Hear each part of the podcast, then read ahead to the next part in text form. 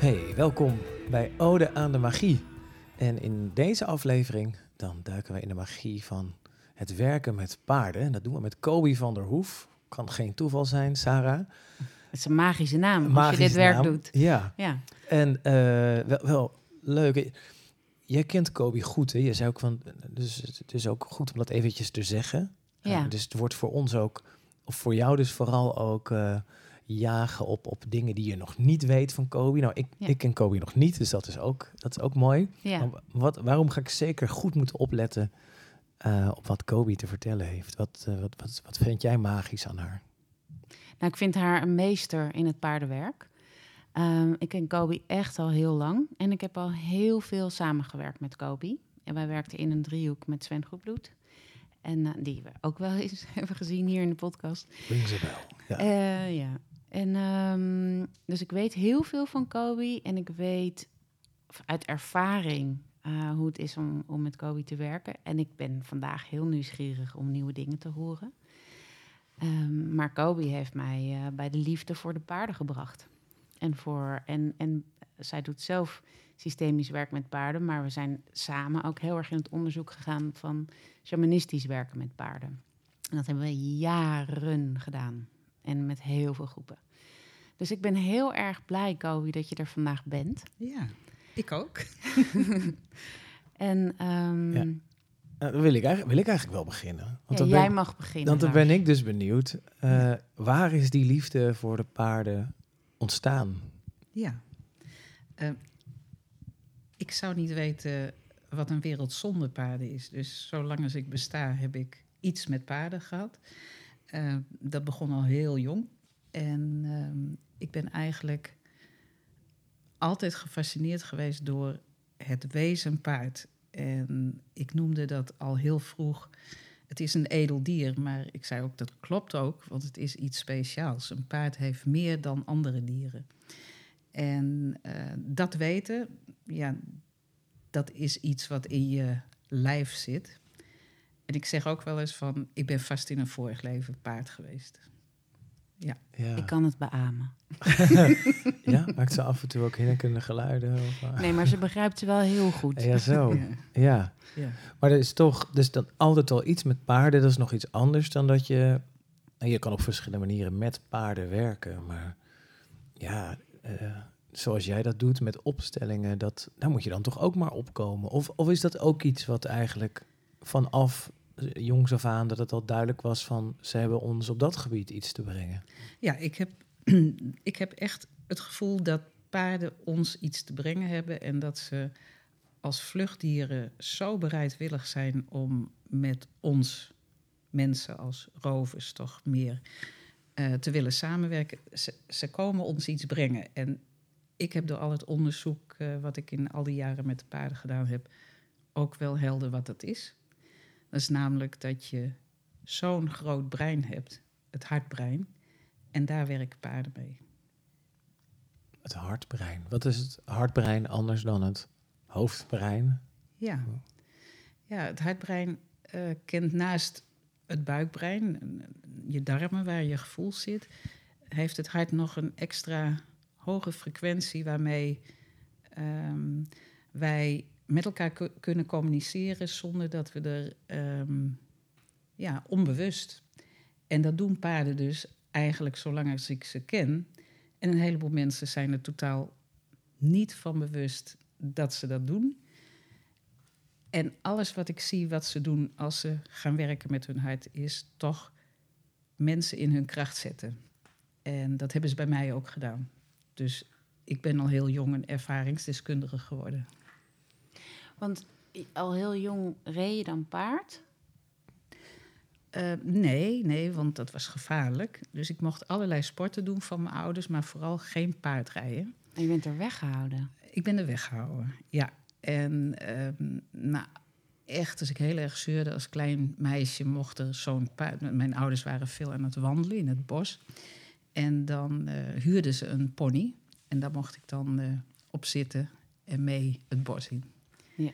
Dus dat is het begin geweest. En ja, eigenlijk door toch wel heel lang eh, aan te geven dat ik dat het liefste wil. Dat ik bij paarden wil zijn. Heb ik bij de kinderboerderij eh, in Leeuwarden, onze woonplaats, eh, mijn eerste lessen gekregen. En hoe oud was je toen? Ehm, ik denk negen, tien. Oh, Oké, wel Ja. al zo jong toch? Ja. Dus je mocht wel al Ja. paardrijden. Ja, mijn eerste ervaring was ook dat ik in een eh, modderige bak, een beetje kleiachtige modderige bak, eh, bij een, op, op een pony eh, bij de eerste bocht eraf ging en echt ook in die modder te- terecht kwam. En mijn moeder echt zo van, nou, dan ga je nu dus mee naar huis, maar ik vond het prachtig, dus ik wilde er meteen weer op en ik wilde weer verder. Dat maakte jou niet bang? Nee, nee het, het- de snelheid van paarden vind ik echt iets magisch. Ja. Ja. En toen ben je niet meteen in, in, in paardenwerk gaan werken. Je bent, Nee. hoe hoe, hoe Nee. kom je daar dan? Want wa- wat ging je dan eerst... Nou, ehm, ik heb wel heel veel met paarden gedaan. eh, met, ja, op, op, op, op zo'n ponyclub. Maar ook eh, heb ik voor andere mensen gereden. Paarden die probleem, waar ze problemen mee hadden, daar heb ik wel eh, veel mee mogen werken. Paarden werden altijd bij mij rustig. En daarom vroegen ze jou daarvoor, Ja, om te werken dus met de moeilijke paarden. onhandelbare paarden, die werden weer rustig onder het zadel. Eh, dus dat heb ik mogen doen. En ja, er komt zo'n periode in je leven dat je andere dingen gaat doen. Maar ehm, als ik ergens ben, ook op vakantie, dan zoek ik altijd een manege waar ik toch even naar het strand kan of het bos in. Of, dat heb ik mijn leven lang gedaan. En toen het echt op mijn pad kwam voor werk, is eigenlijk pas nadat ik uit mijn vaste dienstverband ben gestapt bij Achmea. En ehm, bezig ben gegaan met mijn eigen bedrijf. Wat grappig genoeg een logo van een zwarte hengst kreeg. Zonder dat ik wist dat ik met paarden zou gaan werken. Oh. Wacht even, wat, wat deed je bij Achmea? Zeg maar even dat ik weet Ja. waar, waar je eigenlijk wel langs was afgedreven. Of, Nou, Achmea heb ik verschillende functies gehad. Maar ik ben uiteindelijk uitgegroeid tot organisatieadviseur. oh ja. En dat heb ik ehm, eh, bijna 29 jaar in dienst van Achmea heb ik mijn werk gedaan. En de laatste jaren dus in dat specifieke gebied van advies. Advies over de kudde. Ja, advies over de kudde, ja. Ja, ja. oké. En toen, toen dacht je al, ik ga voor mezelf beginnen. Dus dat, dat was het niet of niet meer. Ja, ja uiteindelijk werd Achmea, wat, dat is echt een lappendeken van allerlei organisaties, ehm, dat werd een beetje voor mij te krap in wat organisatieadvies kan betekenen. Dus je bent dan toch als medewerker onderdeel van. En ik wilde er echt buiten staan. Dus dat was mijn reden waarom ik gestopt ben bij. En toen heb je je eigen organisatie of in je eigen bedrijf ging opzetten. En toen werd dat een logo van een zwart paard. Ja, want ik dacht van hoe kun je kracht nu werkelijk beeldend maken? En ik vind zo'n Friese hengst met dat enorme behang, dat, dat, die manen, dat vind ik echt zo'n toonbeeld van Kracht. kracht. Maar dat was nog niet omdat je werk ging doen met paarden, met mensen.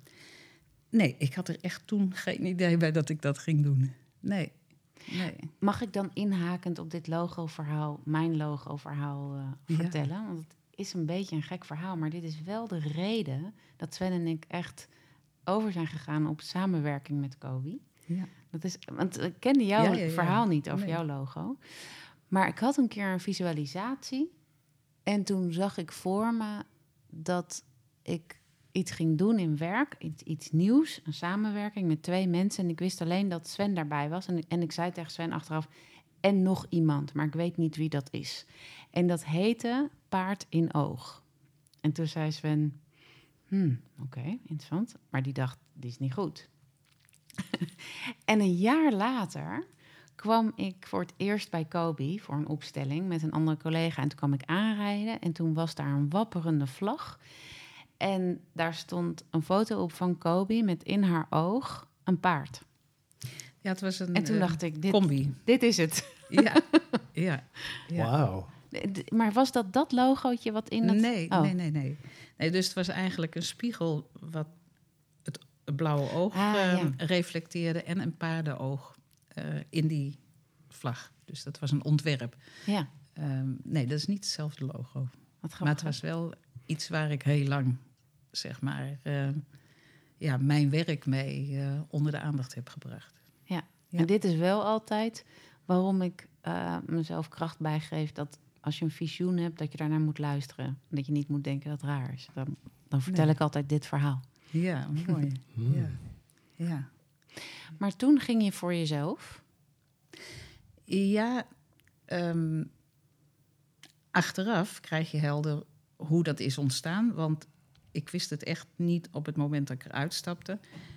Ik had leiderschapsprogramma's, deed ik met ehm, leidinggevenden van Achmea. En in zo'n programma had ik één vrije dag voor die mensen om zelf invulling te geven aan wat zij verstonden onder leiderschap. En eh, een van de leidinggevenden heeft toen gezegd van we gaan naar een stoeterij, stoeterij in Lunteren. Want daar kunnen we ehm, met paarden werken, maar dan niet in de vorm die ik uiteindelijk ben gaan doen. Maar eh, we gaan mennen. En eh, op zo'n bok ehm, een paard onder controle en laten doen wat jij wil, dat is ook leiderschap. En zo zijn we bij de manege of eh, de, de stoeterij eh eh, Groenestein terechtgekomen. En ik stapte daar het terrein op en ik zei tegen die eigenaar: Zodra ik uit Achmea dienst ben, kom ik hier terug. En dat was eigenlijk de start waarop ik met paarden ging werken. Maar ik had echt in mijn bedrijfsplan, wat ik geschreven heb voor Kifungo, echt, ik had er niks staan over paarden op dat moment. Want het heette wel Kifungo. Ja. En later was dat echt het werk met paarden. Ja. Zo heet jouw site nu. Ja. Ja. En ik heb jou ook ontmoet op stoeterij Groenestein. Ja, precies. Daar was die wapperende vlag. Ja. Ja. Ja. Ja. Maar dat heb je gevoeld doordat je op die plek kwam. ja, ik wist het. Het waren Friese paarden. De stoeterij bestond alleen maar uit Friese paarden. En ehm, ja, zoals jij die magie kent van eh, dat je ging samenwerken met mensen, zo had ik dat met ehm, dat ik daar terug moest. En ik had nog geen idee wat ik dan ging doen, maar ik wist wel dat ik daar terug zou komen om verdere invulling te geven. En hoe lang duurde dat dan? Voordat je dan... Half jaar. Half jaar, toen was je terug. Ja. Maar, en, maar ging je toen beginnen met de paarden? Eh, ja, maar ja, eh, mij kennende, ik hou van kwaliteit. Dus ik had geen flauw idee wat ik zou moeten doen. Eh, dus ik heb een workshop gevolgd bij Ruud Knapen. Dat is de windopleidingen. En ehm, Dat is met paarden. dat is met paarden. En toen dacht ik van ja, dit is, dit is wat ik te doen heb. En toen ben ik daar de opleiding gaan volgen. En toen, Mooi. Ja. ja, ja, ik, kan me vertellen eens, want toen jij dus bij hem de opleiding kwam doen, ehm, dat was ook het eerste moment waarop je dan eh, de manier zag van het werken met paarden, waar jij wel eh, anders dan dat, eh, ik vond dat zo'n typische, zo'n typische CEO of manager die zegt we gaan de paarden mennen. Hè, dat, ja, ja. en ehm, dus de eerste keer dat je dan in de bak staat en van Ruud, eh, Ja, Ruud eigenlijk ziet wat er eigenlijk kan met paarden. Ja. Weet, weet je daar nog iets van, van dat moment? Ja, dat weet ik heel goed. Want eh, we werden daar ook uitgenodigd om zelf een ervaring op te doen. En ehm, dat ging over paarden leiden of paarden drijven. En ehm, ik kende mezelf heel goed in het drijven van paarden. Ehm, dat was namelijk heel veilig, want dan zie je ze voor je en dan weet je precies wat je met ze wil. Maar ik kreeg de ervaring dat een paard onmiddellijk achter me aan ging lopen. Dat is lijden. Ehm, maar dan heb je zelf niet door wat er gebeurt zo. Dus ik heb geen paardenogen die ook achter ehm, me kunnen kijken. Dus ik vond het best wel een enge ervaring. Maar ja, eigenlijk ook wel meteen een hele mooie gewaarwording dat eh, leiderschap eh, voor mij veel meer bestond uit dat ik ging leiden in plaats van drijven.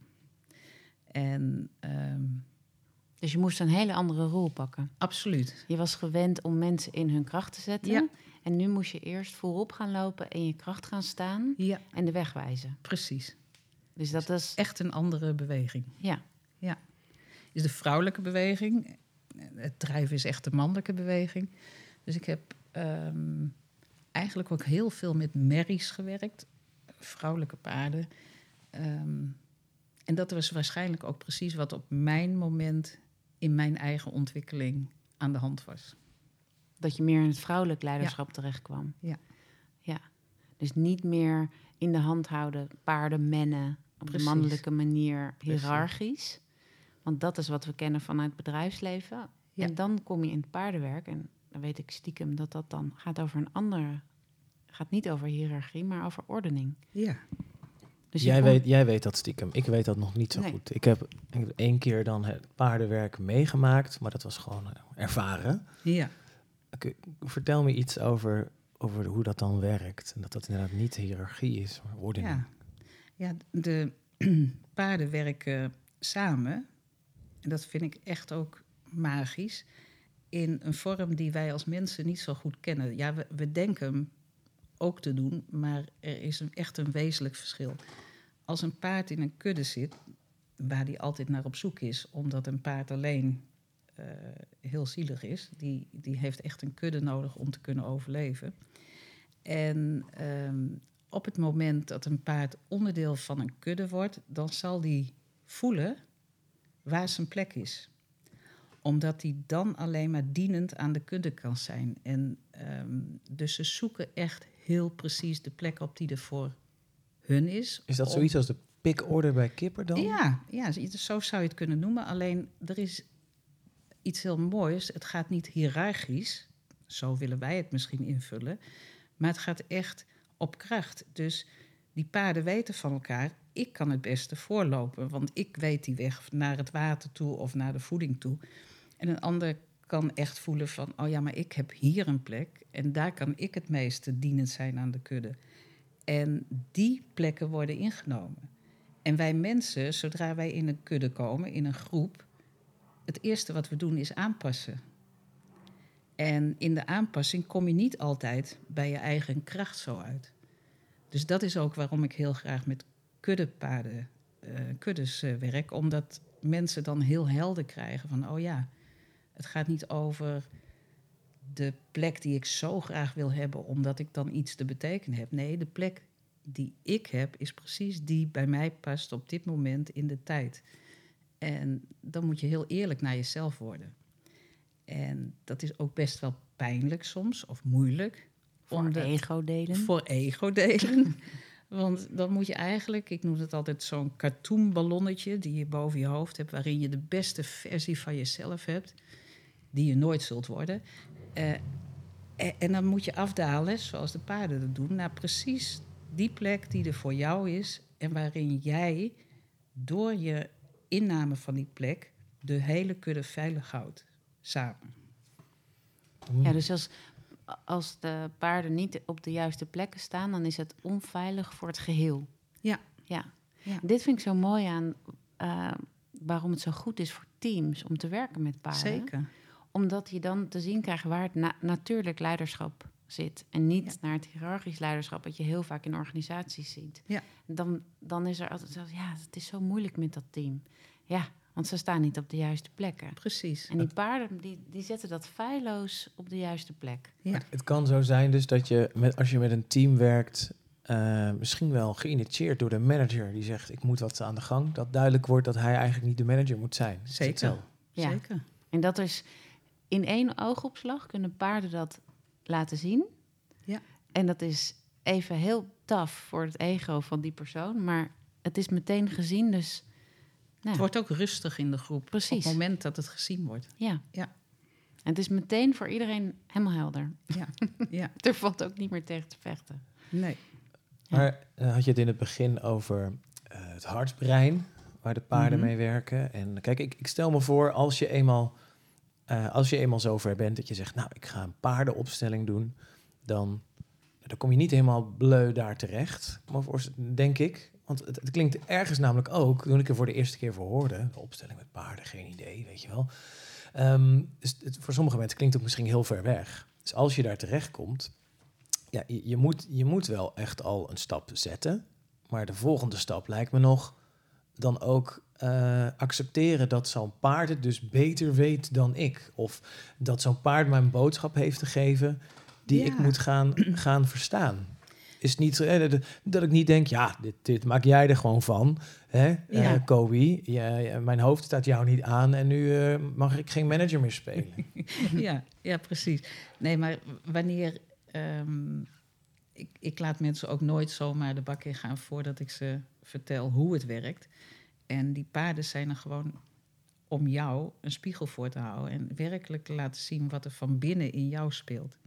Dus het is niet het paard dat zegt dat jij beter geen manager kan zijn. Het is jij die zegt dat je twijfels hebt over je leiderschap.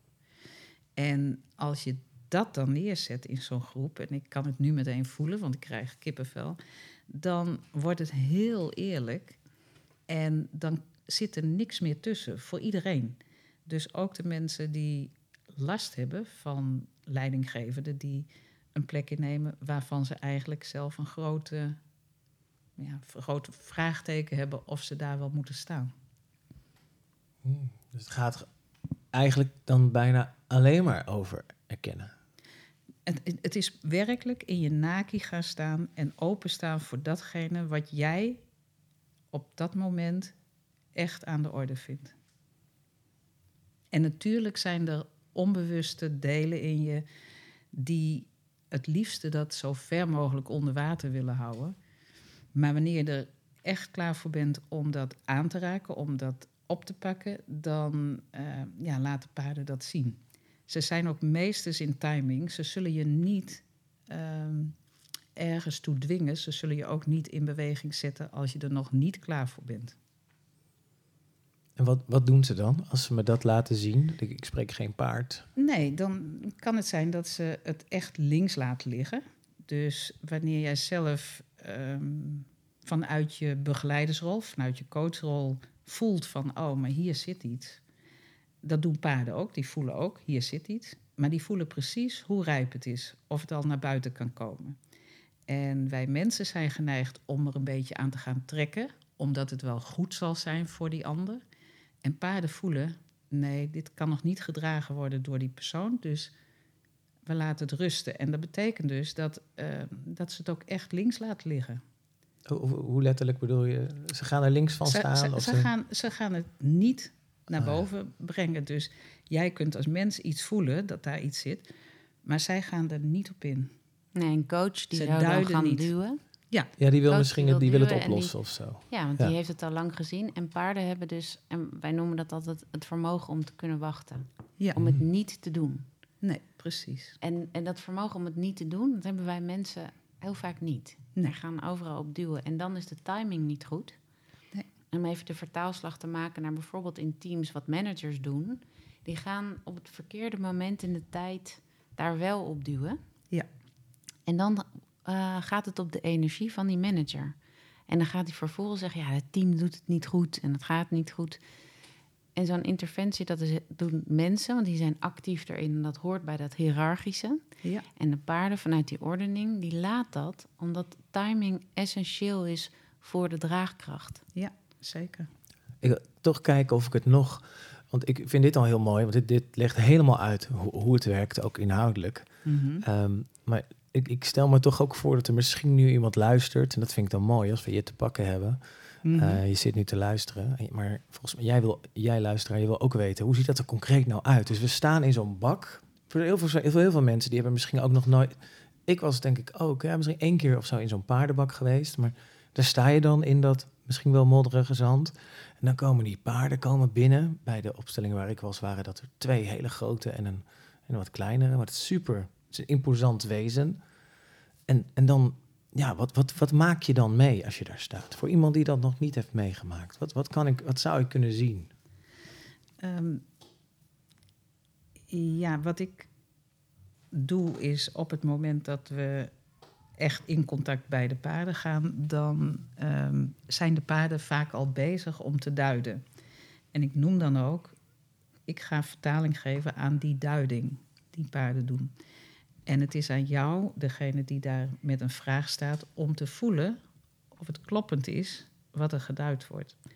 En het duiden wat paarden doen, doen ze met de spullen die ze hebben, zeg ik altijd. Dus ehm, ze gebruiken ehm, dat wat er is in de omgeving, een voerbak, om te duiden dat wanneer ze daar voer gaan eten, terwijl ze echt al een volle maag hebben, dat dat voer te maken heeft met voeding die jij dus blijkbaar nodig hebt, maar niet meer gaat over dat wat je maag vult, maar veel meer over van wat je geest vult. Dus zingeving wordt heel vaak op die manier geduid. Nu kan ik die vertaling geven op het moment dat ik die paarden dat zie doen. En dan zeg ik ook altijd: je kunt denken, nou ja, waar gaat dit over? Dat was niet de bovenliggende vraag voor mij, maar je kunt voelen, ja, maar het gaat wel degelijk voor mij over die zingeving op dit moment. Dus die duiding die paarden doen in het moment met de manier waarop zij leven, dus ze doen niet anders dan dat ze anders ook doen. Ze gebruiken de spullen die ze hebben. Ook het contact met elkaar, de ordening die ze normaal gesproken in een kudde hebben. En in één keer als er iemand komt, ik noem maar even mijn uh, ruin, die toch nog heel veel hengst in zich heeft, uh, twintig jaar, maar hij vindt toch wel dat hij nog steeds het mannetje is. Uh, die kan in één keer als een schoothondje achter de merrie die eigenlijk in de kudde op de lagere plek staat in de ordening. Als hij daar achteraan loopt als zo'n schoothondje, dan zeg ik, deze duiding, wat mij opvalt, jullie kennen deze paarden niet, maar hij is degene die toonaangevend is. Hij is leidend. En nu in één keer laat hij zijn hele leiderschap liggen. Dus hoe ken jij dit fenomeen zoals hij dat nu laat zien aan ons? In je eigen systeem. In je eigen systeem. En um, soms duiden paarden ook werkelijk zo de karakteristiek van een, um, ja, iemand uit het nest waar je uitkomt, vader, moeder, broers, zussen, dat, um, dat het voor een uh, coachie, voor iemand die een vraag in, uh, indient, heel duidelijk wordt van ja, maar daar staat mijn vader of daar staat mijn moeder. Het is heel moeilijk uitleggen, omdat als je erover praat, dan ja. verdwijnt de magie bijna. Maar als je erin staat en het invoelt, dan is het voor iedereen heel helder. Ja, dat, dat, dat, is ook moeilijk. Ik snap dat dat het risico ook is. Maar ik vind dit al wel al mooie voorbeelden voor iemand. Want dat hoop ik altijd, dat we met Ode aan de Magie... en iemand die zegt, ik heb er eens van gehoord... en ik wil er meer over weten. Ja. Nou, dan zitten we met Kobe volgens mij goed. Maar ook iemand die die deze aflevering toevallig aanraakt. En dan, dan denk ik, oh ja.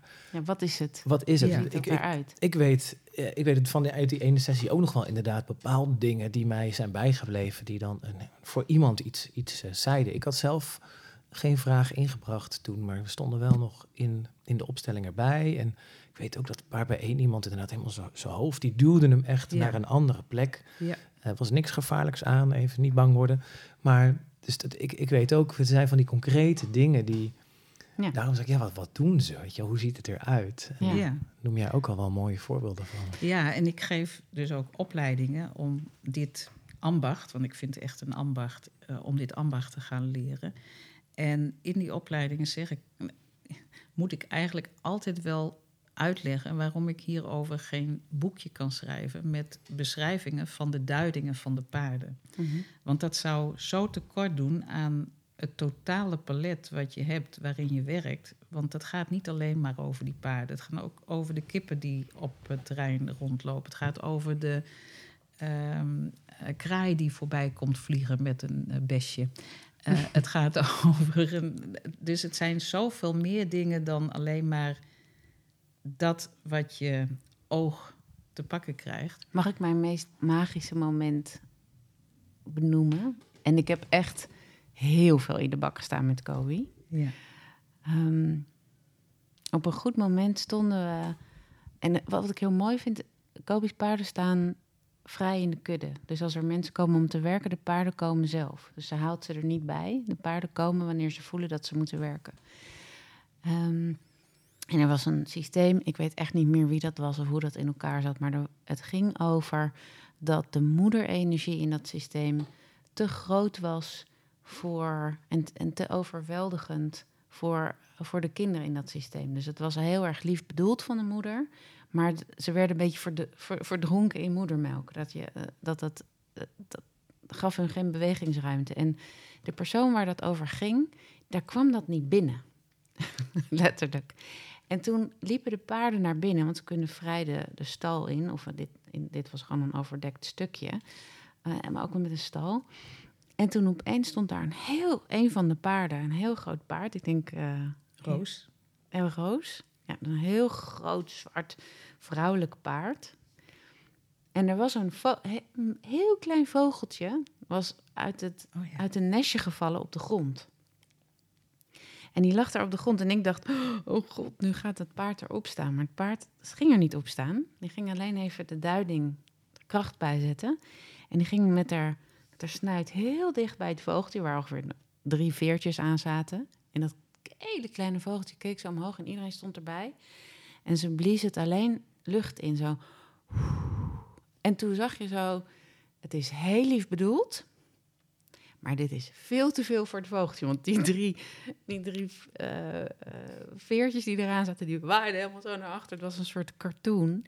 En toen dat beeld en dat, die symboliek van het is heel lief bedoeld, maar het is te veel. Dat, toen kwam het pas binnen hoe die moederenergie te veel was. Ja. En toen kon die persoon dat begrijpen. Dus ja, dus alles deed mee. Ja. Toen dacht ik van, dit, ik heb nog nooit dit massive dier zo gezien. En, de, en, de, en het was een hele kleine beweging, het was een ademhaling. En het was alleszeggend. Wat dat, Ja. dat vond ik heel mooi. mooi. Ja. En iedereen begreep het eigenlijk meteen van, wow, Ja. oké, oh, dit bedoel je. Ja. Ja. Ja, dus dat zijn de duidingen die dus ook iedere keer weer nieuw zijn. Dus eh, er is geen sessie Ik kan geen instructieboekje maken met als, als een- de paard nu naar het voederbak loopt met zijn linkervoet voor, is Ja. het dit. Of Ja. als de paard nu Ja. naar een vogeltje blaast, is het dat. Ja, Maar Ja. er zijn ook heel veel verschillende vormen van paardencoaching. Ja, En jij zeker. werkt vanuit systemisch Ja. paardencoaching. En dat is Ik een noem het bepaalde systemisch energetisch paardencoaching. systemisch energetische paardencoaching. Ja. En ook shamanistisch werk met paarden. En shamanistisch, maar ik vind eigenlijk ook shamanisme is ehm, waar de paarden zo in thuis horen. Want shamanisme gaat over de natuurwetten. En, eh, en paarden werken volgens de natuurwetten. En ik heb systemische opleidingen gedaan bij, eh bij Phoenix-opleidingen.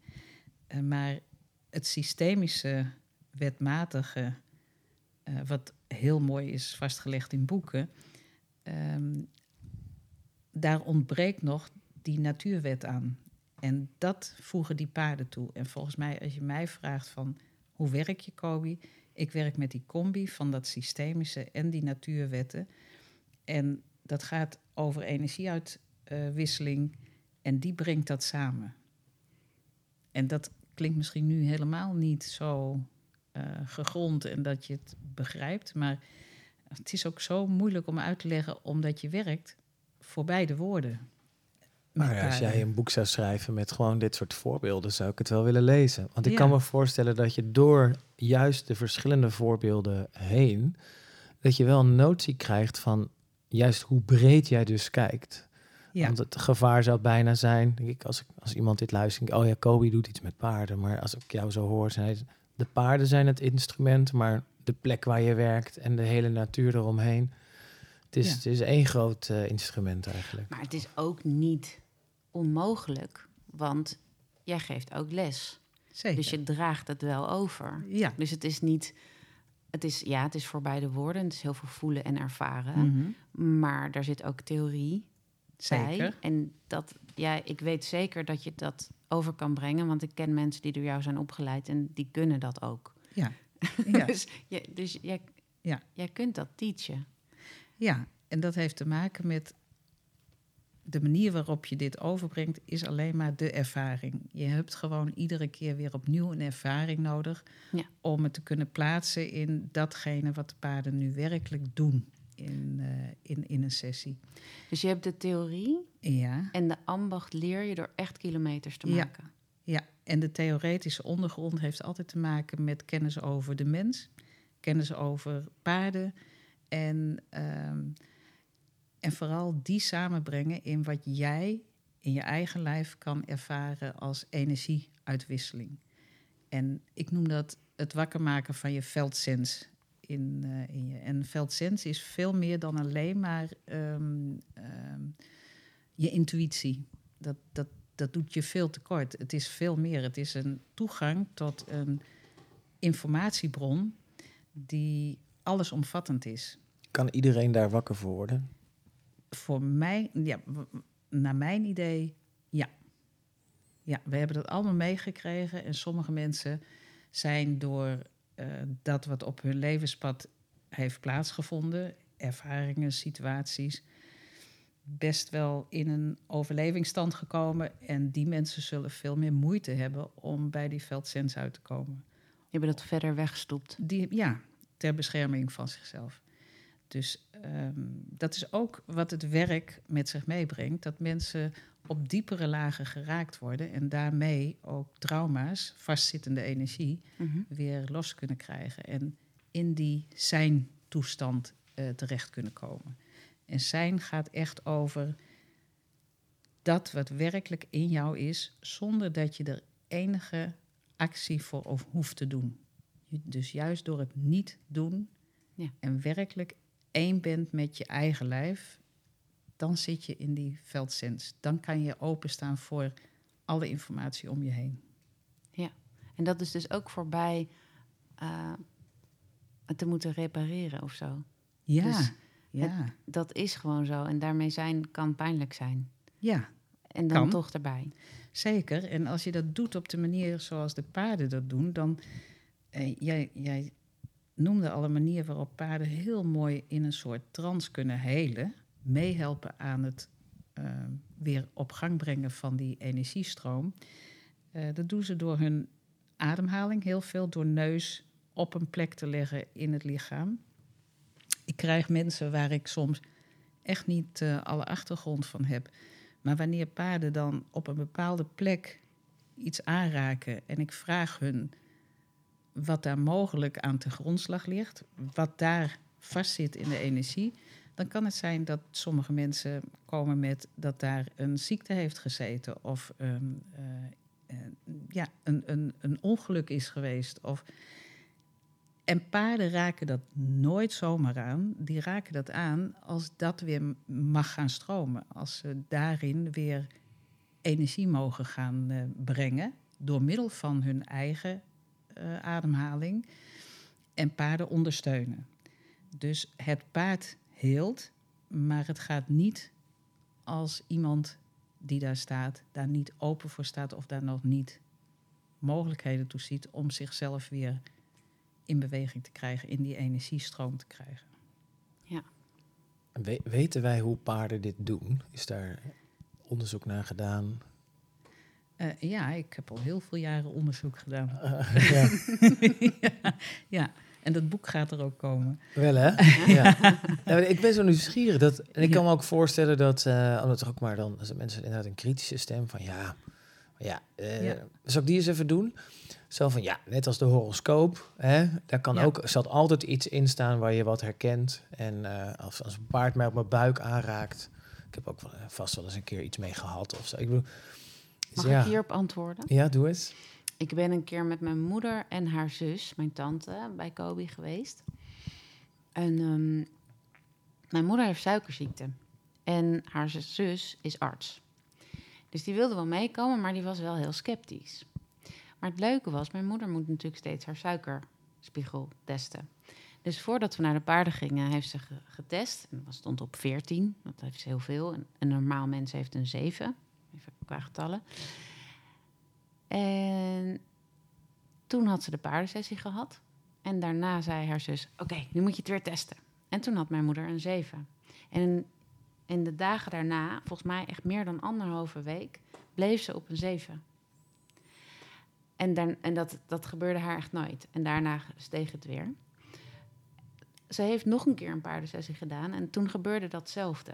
Dus je kon het daarin heel duidelijk zien en meten dat het beter werd bij haar. Wauw.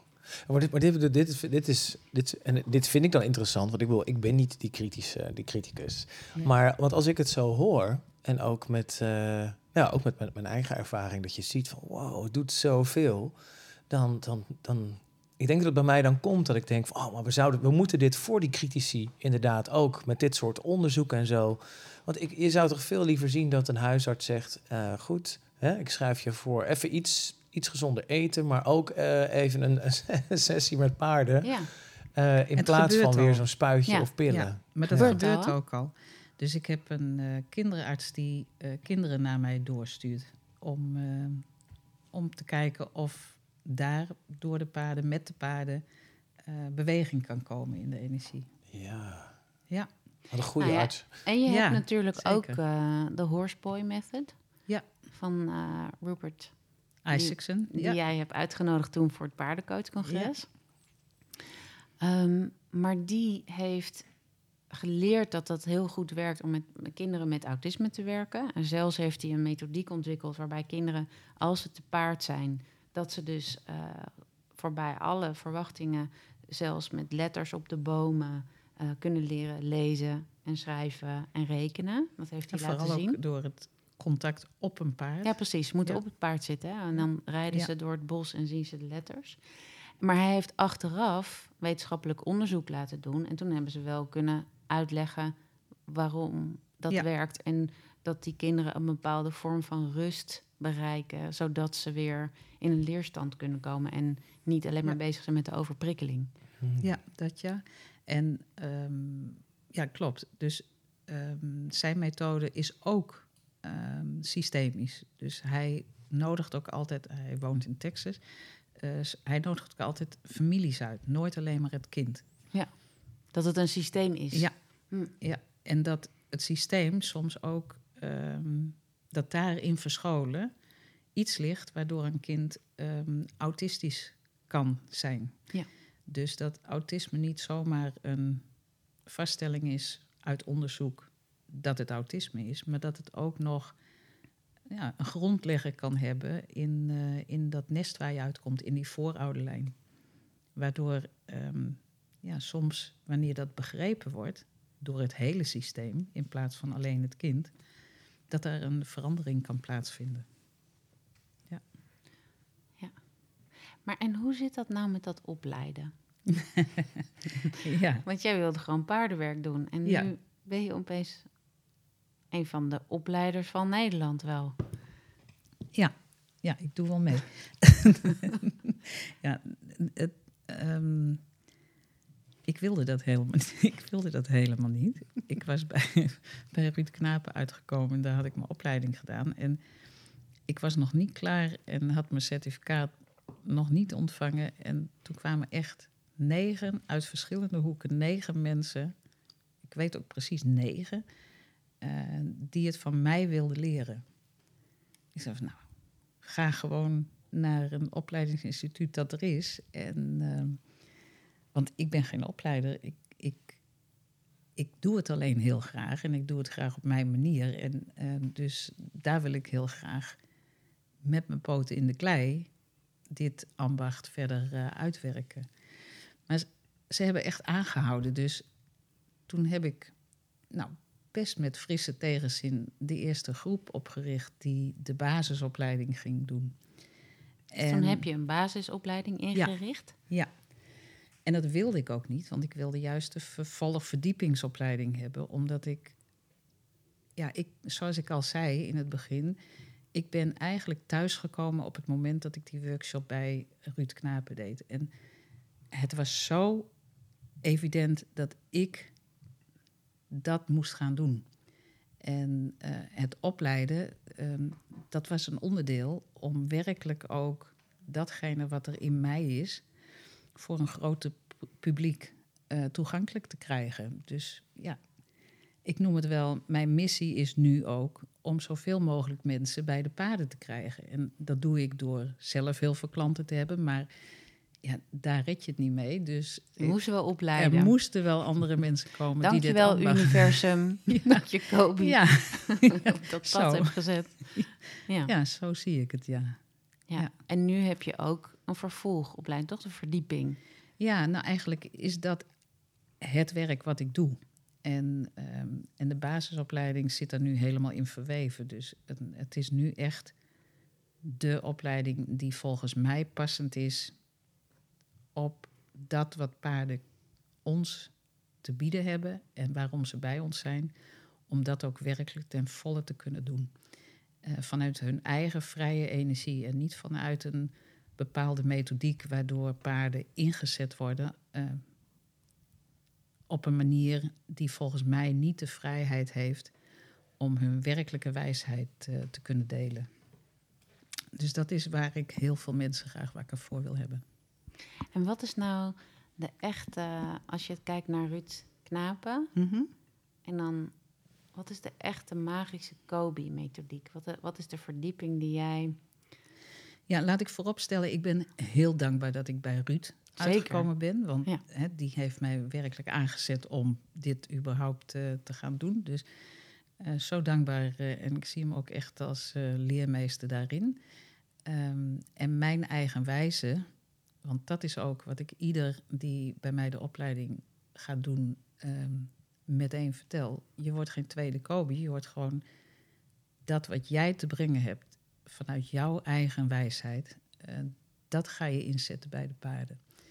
Ehm, dus, ehm, Als je wel de basis kent, Ja. en dan voor je eigen... ja, maar ook de basis erbij. kun je op verschillende manieren kun je die bij mensen brengen. En eh, bij mij gaat het echt, je gaat de eerste dag al, die paarden zijn leidend. Zij zorgen ervoor dat jij de wijsheid die je in je hebt kunt vermengen met datgene wat zij jou kunnen leren. Ja. Dus je gaat een heel leerpad op wat ja, inhoudt dat je jezelf totaal bloot moet geven, jezelf echt totaal moet kennen om die veldsens ook eh, te kunnen leren toepassen in sessies met mensen. En ehm, ja, je had het over wat is dan die magische eh, opleiding van mij. Dat gaat over dat je werkelijk jezelf tegenkomt in wie jij bent. En de kracht die je in je hebt en de plek die je in je kudde weet te vinden, omdat je het echt helemaal hebt onderzocht. Dat is jouw plek. En vanuit die beweging je eigen wijze te vinden om met paarden eh, andere mensen te helpen. Kan dit met, eh, als ik dit bij jou doe, die opleiding, kan ik dan gewoon even naar een stoeterij gaan. En ik zeg, doe maar even een kudde Mhm. paarden.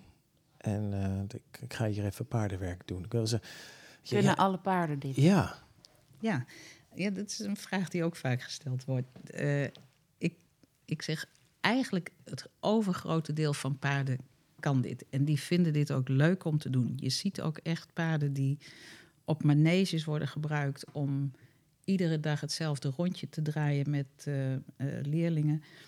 Ehm, als die in dit veld komen waar, waar je mee werkt, eh, op de manier zoals de Kifungo-opleidingen dat je leert, dan is het heel mooi om te zien dat die paarden echt een soort van wakker worden en weer paard worden. En, en het magnifiek vinden om op hun eigen wijze de plek in hun kudde in te nemen en te doen wat dienend is aan het geheel. Eh, dus zelfs die paarden die lijken ingeslapen te zijn in zo'n, ehm, in zo, op zo'n manege ter overleving, ja, die, die worden weer wakker. Dus die kunnen dat ook. Ik zat op die stoeterij en die stoeterij was een fokkerij. En daar waren ook hengsten. En ehm, prachtig om te zien. Dus ik dacht van, nou, die, die gaan we ook inzetten om eh, eh, in leiderschapsprogramma's. Dat is altijd wel mooi, zo'n heel groot, stoer, stoere hengst. Maar je kunt je voorstellen dat als zo'n hengst daar staat op een stoeterij en daar staan heel veel merries, dat die echt niet bezig gaan met mensen. Dus eh, dat is de enige waarvan ik gezien heb van oké, die hengsten hebben gewoon een andere opdracht en die gaan echt niet mensen. We zijn even een beetje bezig met de voortplanting. ja, even een beetje veel. ja. Dus dat zijn eigenlijk de enige paarden waar, Heb ik ja, de enige die mee nee. lukt. In die En- fase van hun leven. Ja, en je hebt ook getraumatiseerde paarden waarvan mensen zeggen, nou, maar dat is levensgevaarlijk als je die dan ehm, gaat eh, gebruiken in coachingen, in begeleidingen. Ehm, ik geloof heel stellig in dat wanneer de juiste persoon met zijn eigen kwetsuur bij een, bij een paard komen die ook getraumatiseerd is, dat ze heel veel voor elkaar kunnen betekenen. En dat daar helemaal niks misgaat. Dus ja, dat is maar net. Je moet als begeleider heel goed weten welke paarden je hebt en, en hoe de paarden uh, ja, aanvoelen voordat je gaat werken met ze. Maar dat, dat is wel, dat, dat is wel uh, misschien een vraag die ik niet, niet helemaal had gesteld, maar waar ik wel dus inderdaad nieuwsgierig naar was. Want het vraagt wel degelijk dat je, dus de paarden waarmee je dit werk wil doen, die moet je leren kennen. Je moet weten, jij moet weten hoe die kudde eruit ziet. Uh, je kan, je kan niet inderdaad met willekeurige paarden zo op een moment. En je moet ze leren kennen, maar ik heb Kobe met heel veel paarden zien werken, ook die ze één minuut kent. Ja. Dat kan ze. Dus, ja, maar dat is dus het ambacht. Ja. ja, maar het is wel goed, want je bent als begeleider of als paardencoach ben je verantwoordelijk voor de mensen die je begeleidt. Dus moet je ook weten ehm, hoe je paard kan reageren. En als er dynamiek komt, dat zeg je ook wel, dat vind ik dat zo leuk. Dan zeggen ze, oké, even aan de kant, er komt misschien dynamiek aan. Dynamiek. Dan gaan die paarden even los. Dat is toch goed dat je tegen de mensen zegt, even aan de kant. De eerste keer vond ik dat zo amazing. Stond ik daar tegen die rand van die bak. Toen stonden we nog wel binnen in een binnenbak. En dan gingen die paarden, die moesten even energie vrijmaken. En dat ging dan erop. En daarna, oké, okay, zo. En dan konden we weer allemaal vrij ja, Dus dat, dat is de dynamiek die wij als mens in ons hebben. En waar we geen weet van hebben hoe dat eruit ziet. Ja. En die paarden laten zien wat die dynamiek in jou teweeg kan brengen. Dus ja. dat is ook wel een eye-opener voor een hele hoop mensen. Ja, dat was ook een heel mooi moment. Toen hadden wij een groep mensen op een leiderschapsbries, uh, deden we toen. Ja. En er was iemand bij, nog mochten ze om de beurt, mochten ze even in een afgestuk, afgezet stukje bak hun eigen vraag doen. En hij kwam alleen maar naast Kobe staan. En er was één Fries paard. Ik denk dat Renske was. Ja. En die, die stond achter het lijntje en die ging keer, Die ging rennen, rennen, rennen. Echt vol force, vrouwelijke energie. Iedereen voelde ook van, wow. En hij was er nog niet eens in geweest. En toen het klaar was, had hij echt gevoeld van, wat een energie. En toen zei hij ook van, nou, volgens mij is dit het Dit, dit, dit, dit was het. En toen zei jij vroeg aan hem, heb je het gezien? Heb je het gevoeld? Hij zei, ja, helemaal. Dit is, dit is wat ik vrij mag maken. Dit is, dit is wat er in mij zit. Dit, dit is wat er mag. Dat was heel duidelijk. Ja. Er hoefde niemand een opstelling. Dit was hem. Ja. ja. ja. Dus als begeleider heb je gewoon te voelen in jou wat er mogelijk is in dat veld van paarden en hun energie. En daar werk je mee. Hebben de paarden jou ook wel eens verrast?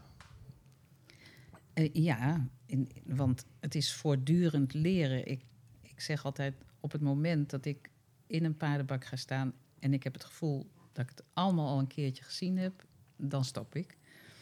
Um, dus wat, ik, wat mij nog heel erg bijgebleven is, dat was echt wel shocking. Dat was een, um, een directieteam een mannelijke en vrouwelijke uh, directie die uh, wilde komen met een vraag. Ik weet niet eens meer de vraag die ze werkelijk uh, stelden. Maar die paarden die we toen nog één voor één. Um, dus het was heel erg in het begin van mijn werk. één voor één bij die mensen mochten ze uitkiezen.